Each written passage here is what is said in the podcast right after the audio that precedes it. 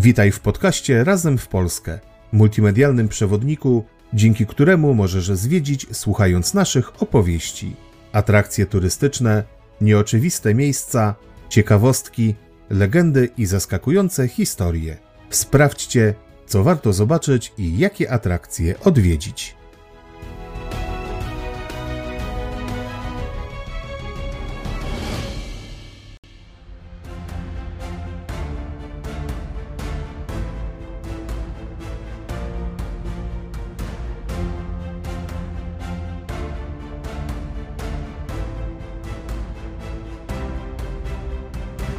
W jaki sposób XVIII-wieczna twierdza powiązana jest z fabryką zegarków kieszonkowych? Dlaczego góry Sowie nagle stały się atrakcją dla turystów? Gdzie znajduje się największa górska twierdza w Europie? Jaka pruska forteca związana jest z dowódcą obrony wybrzeża? Co to jest pruski dryl i jak wpłynął na życie żołnierzy? Dowiecie się o tym wszystkim podczas wycieczki do nigdy niezdobytej twierdzy na dawnej granicy Śląska.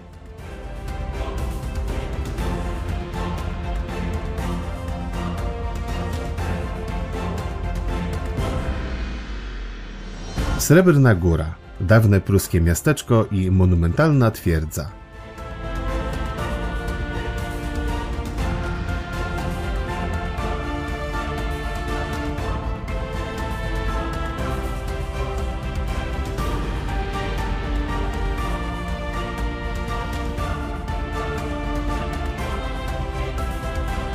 Zapraszamy na wycieczkę po malowniczych okolicach przełęczy Srebrnej, która oddziela Góry Sowie od Gór Bardzkich. W pobliżu Kłodzka w województwie dolnośląskim znajduje się wieś Srebrna Góra, słynąca z imponującej twierdzy oraz dawnej pruskiej zabudowy. To miejsce przyciąga turystów nie tylko z całej Polski, ale również i z zagranicy, którzy chętnie podziwiają monumentalną fortecę i chłoną sielską atmosferę miasteczka. Srebrna Góra oferuje naprawdę ciekawe atrakcje, warto zatem dowiedzieć się, co zobaczyć w tym przepięknym i malowniczym miejscu.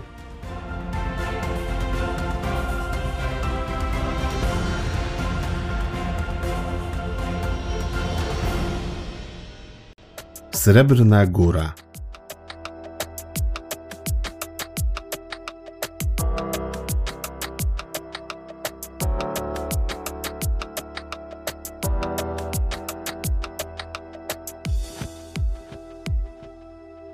Srebrna Góra to urokliwa wieś położona malowniczo w wąskiej dolinie między górami Sowimi a górami Barckimi. Okolica otoczona jest pięknymi i łagodnymi wzniesieniami, lasami oraz łąkami. W XVIII wieku ze względu na swoje strategiczne położenie w Srebrnej Górze zbudowano największą górską twierdzę w Europie, która do dziś przyciąga turystów z całego kontynentu. Jednak nie tylko twierdza jest warta uwagi, Także samo miasteczko zachowało swój urok z dawnych czasów i jest doskonałym przykładem dobrze zachowanej historycznej osady.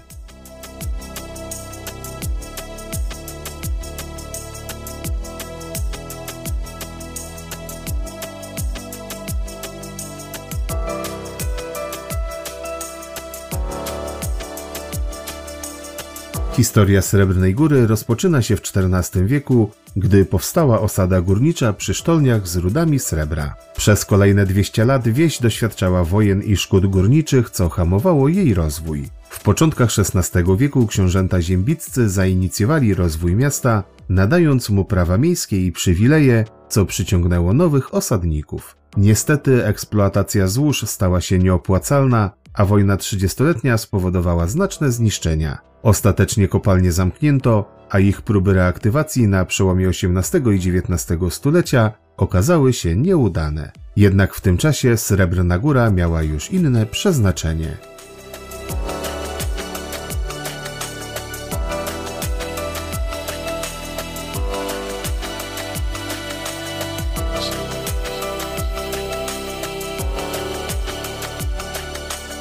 W XVIII i XIX wieku twierdza w Srebrnej Górze stała się głównym źródłem utrzymania dla mieszkańców oraz stymulowała rozwój przemysłu regionalnego. W miasteczku powstały przędzalnie, garbarnia, wytwórnia wyrobów metalowych i zakłady mechaniki. Pomimo, że twierdza szybko straciła na znaczeniu, miasteczko kontynuowało rozwój przemysłu. Powstała tu fabryka zegarków kieszonkowych firmy Epner, uważana była za jedną z najbardziej prestiżowych w Prusach. Jej zakłady mieściły się w dawnych budynkach koszarowych. Dobrze na rynku radziła sobie również odlewnia i wytwórnia wyrobów metalowych firmy Jakob und Loeffler.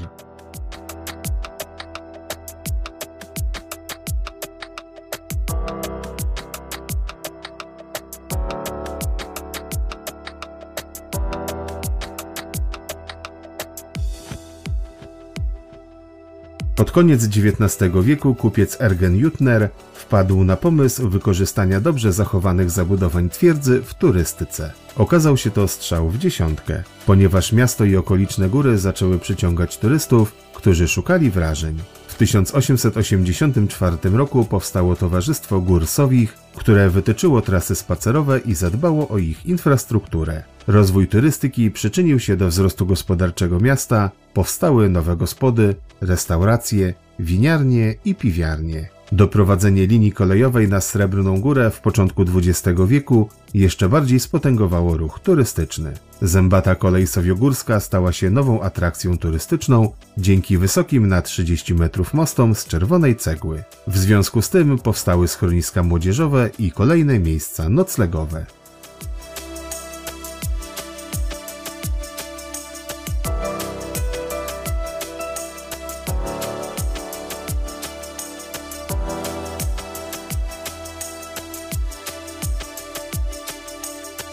Nazistowskie przejęcie władzy i zwiększone wydatki na zbrojenia negatywnie wpłynęły na sytuację społeczną w Niemczech, co przyczyniło się do ograniczenia ruchu turystycznego. W rezultacie miasto zaczęło podupadać, a po wojnie i wysiedleniu ludności niemieckiej budynki popadły w ruinę. Regres gospodarczy i wyludnienie doprowadziły do odebrania miastu praw miejskich. Jednakże okolice zostały ponownie odkryte dla turystów w XXI wieku. Obecnie Srebrna Góra zachwyca malowniczym rynkiem, na którym znajduje się niewielka fontanna i rzeźby napoleońskiego żołnierza, co pokazuje powiązanie miasta z górującą nad nim twierdzą i epoką napoleońską. Spacerując po rynku, warto zobaczyć oryginalne i klimatyczne zabytkowe kamieniczki, dawne domy tkaczy i gwarków oraz dawny kościół ewangelicki przekształcony w salę widowiskową. Wszystko to dodaje uroku temu miejscu, zwłaszcza, że wszystkie te budynki są położone na mocno pochyłym terenie, co nadaje Srebrnej Górze jeszcze więcej charakteru.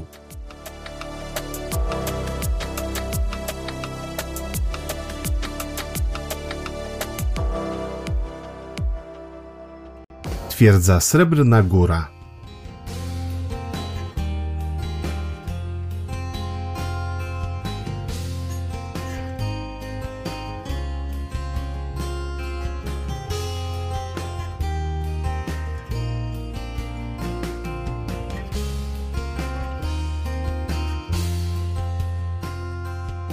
Najważniejszą atrakcją Srebrnej Góry jest niewątpliwie największa górska fortyfikacja Europy, twierdza Srebrna Góra. To innowacyjne na tamte czasy przedsięwzięcie jest jednym z najbardziej interesujących zabytków militarnych w Polsce. Ta górująca nad przełęczą srebrną fortyfikacja, składająca się z sześciu fortów oraz szeregu leśnych umocnień i bastionów, nazywana bywa również ze względu na swe położenie twierdzą w chmurach. To unikatowy zabytek, wielka atrakcja Dolnego Śląska, miejsce niesamowite, pełne tajemnic, historii i niespodzianek, które przyciąga turystów z całego świata. A ten widok na Sudety z korony twierdzy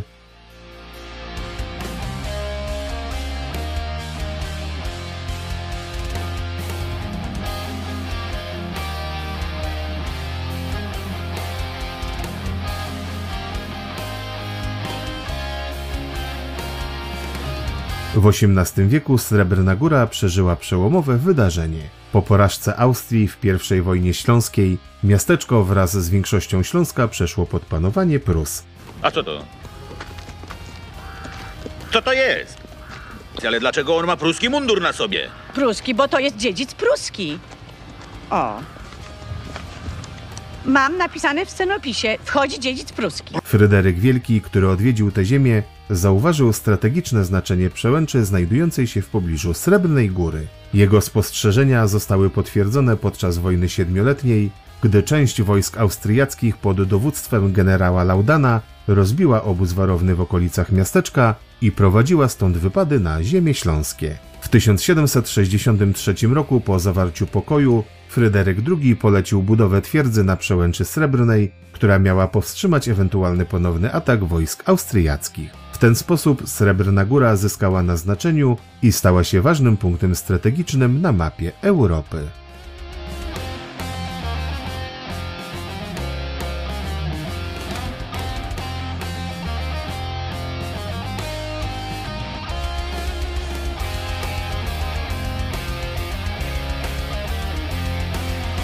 Fryderyk II postanowił zmodernizować twierdzę w Świdnicy, Kłodzku i Nysie w celu ochrony granicy prowincji śląskiej.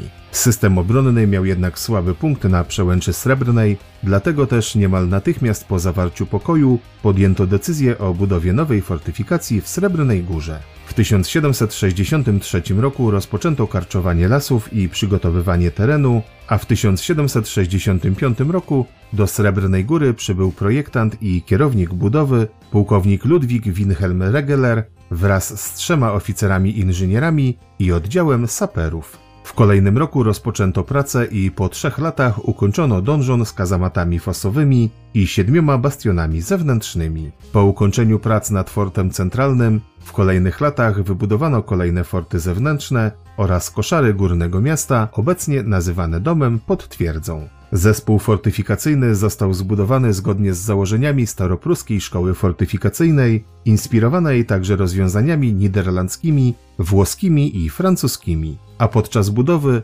wykorzystano optymalnie walory terenowe.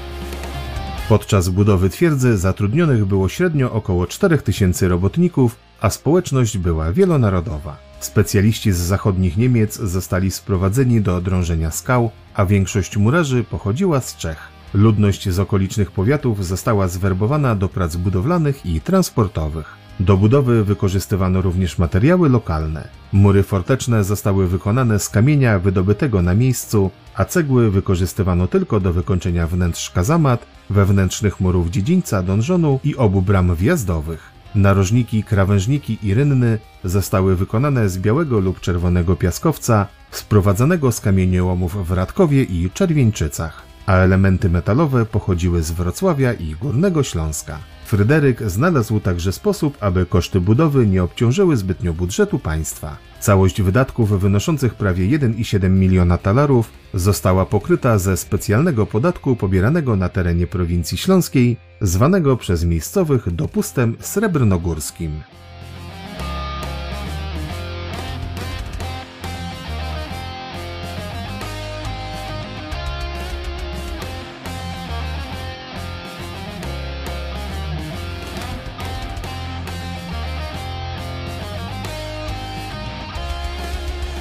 Rdzeń twierdzy zlokalizowanej na Warownej Górze stanowił potężny donżon z czterema wieżami, każda o wysokości 30 metrów. Otoczony był murem o wysokości również 30 metrów oraz głęboką, suchą fosą. Wewnątrz znajdowało się 151 pomieszczeń fortecznych, rozmieszczonych na trzech kondygnacjach wokół monumentalnego dziedzińca. Do wnętrza prowadziły bramy wykonane z cegły i piaskowca, przedzielone wygiętym dla obrony korytarzem szyjowym. W całej twierdzy znajdowało się łącznie 299 kazamat oraz 52 izby strzeleckie.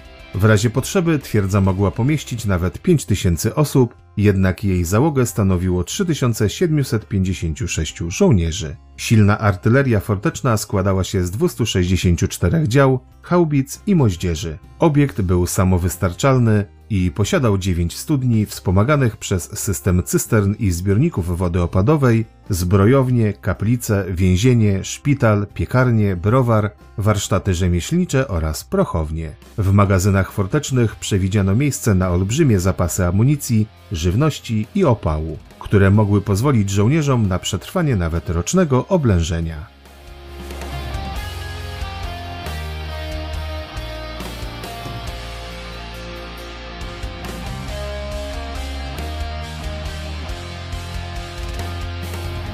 W XVIII wieku doszło do ważnych zmian w armiach europejskich, które wpłynęły na poprawę ich efektywności. Wprowadzono powszechny obowiązek służby wojskowej oraz opracowano system rekrutacji, ujednolicono uzbrojenie i umundurowanie, a także wprowadzono pierwsze regulaminy służby. Mimo to życie rekrutów nadal było bardzo trudne i surowe. W pruskiej armii najważniejszą zasadą było to, że żołnierze mieli bardziej bać się swojego dowódcy niż wroga. Koszarach panowała absurdalnie surowa dyscyplina, a ciągłe przeglądy, musztry, inspekcje miały na celu znalezienie jakiegokolwiek wykroczenia. Surowe kary, takie jak słupek, gdy żołnierza przykuwano do pala i kazano stać na zaostrzonych kołkach, czy siedzenie na drewnianym ośle z przywiązanymi kulami armatnimi, były standardem. Takie zachowanie miało na celu utrzymanie strachu i podporządkowania, co było kluczem dla ówczesnego sposobu prowadzenia walki.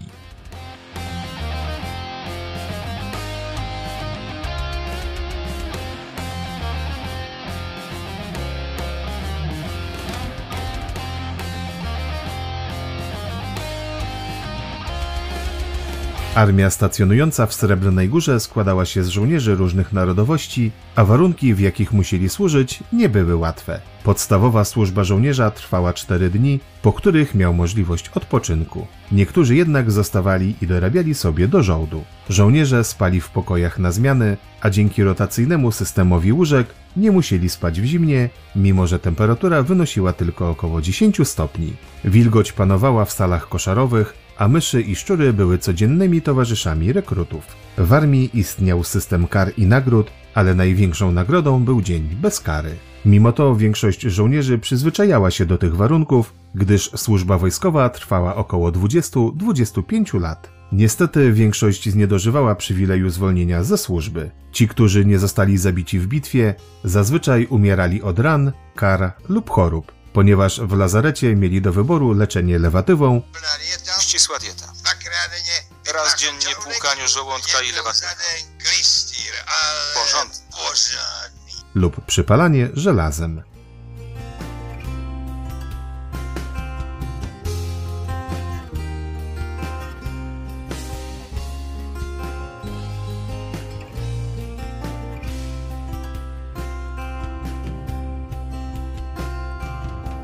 Wróćmy jednak do historii twierdzy Srebrna Góra. Już w latach 80. XVIII wieku stała się ona celem wycieczek ważnych osobistości ówczesnego świata. Jednym z najbardziej znanych gości był John Quincy Adams, ówczesny ambasador Stanów Zjednoczonych w Berlinie, a późniejszy prezydent USA. Warto dodać, że twierdza niebawem potwierdziła swą wartość bojową, gdyż już w 1807 roku podczas inwazji wojsk francuskich dowodzonych przez Hieronima Bonaparte, młodszego brata Napoleona, kilkukrotnie stawiała opór próbującym zdobyć ją wojskom. Pomimo tego, że oblężenie zostało zakończone po pokoju w Tydży, twierdza pozostała jedyną niezdobytą na Śląsku. W 1817 roku forteca została rozzbrojona i przekształcona w więzienie polityczne. W 1850 fortyfikacje zostały jeszcze raz uzbrojone, ale w 1867 ze względu na zmiany w technice wojskowej podjęto decyzję o jej kasacji. Na miejscu utworzono poligon wojskowy, który przez kilka lat był wykorzystywany do prób artyleryjskich i materiałów wybuchowych.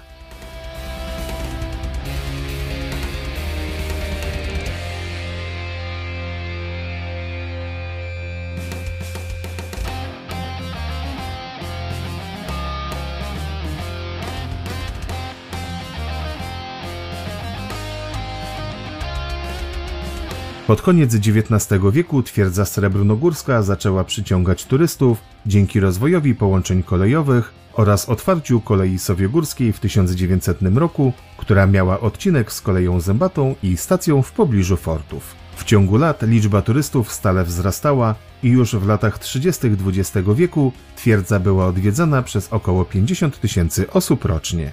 Donżon został odremontowany i po I wojnie światowej przekształcony w restaurację, która w okresie międzywojennym mogła pomieścić aż 300 gości.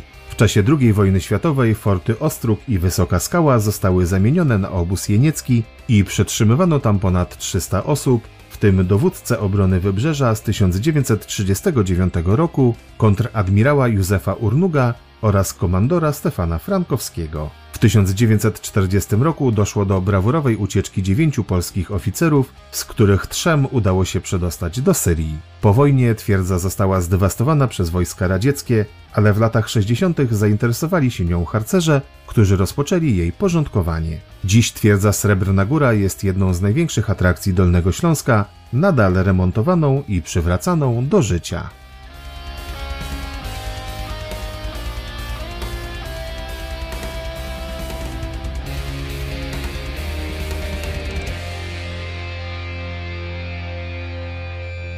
Zabytkowa twierdza, mimo wieloletniego zaniedbania, zachowała swoją pierwotną formę. Jeśli jesteście zainteresowani historią fortyfikacji, warto wybrać się na wycieczkę z pruskim żołnierzem, który oprowadzi Was po tajemniczych korytarzach i pokaże ukryte zakamarki.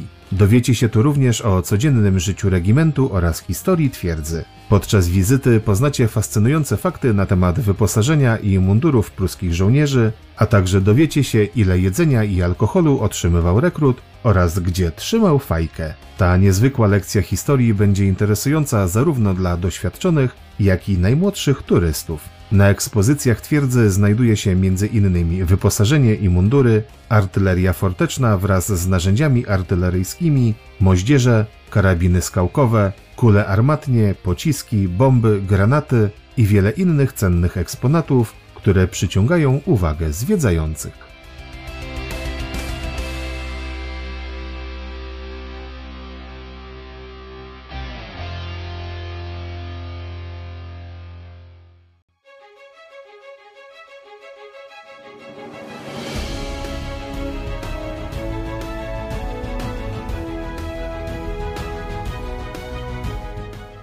To już koniec naszej dzisiejszej opowieści.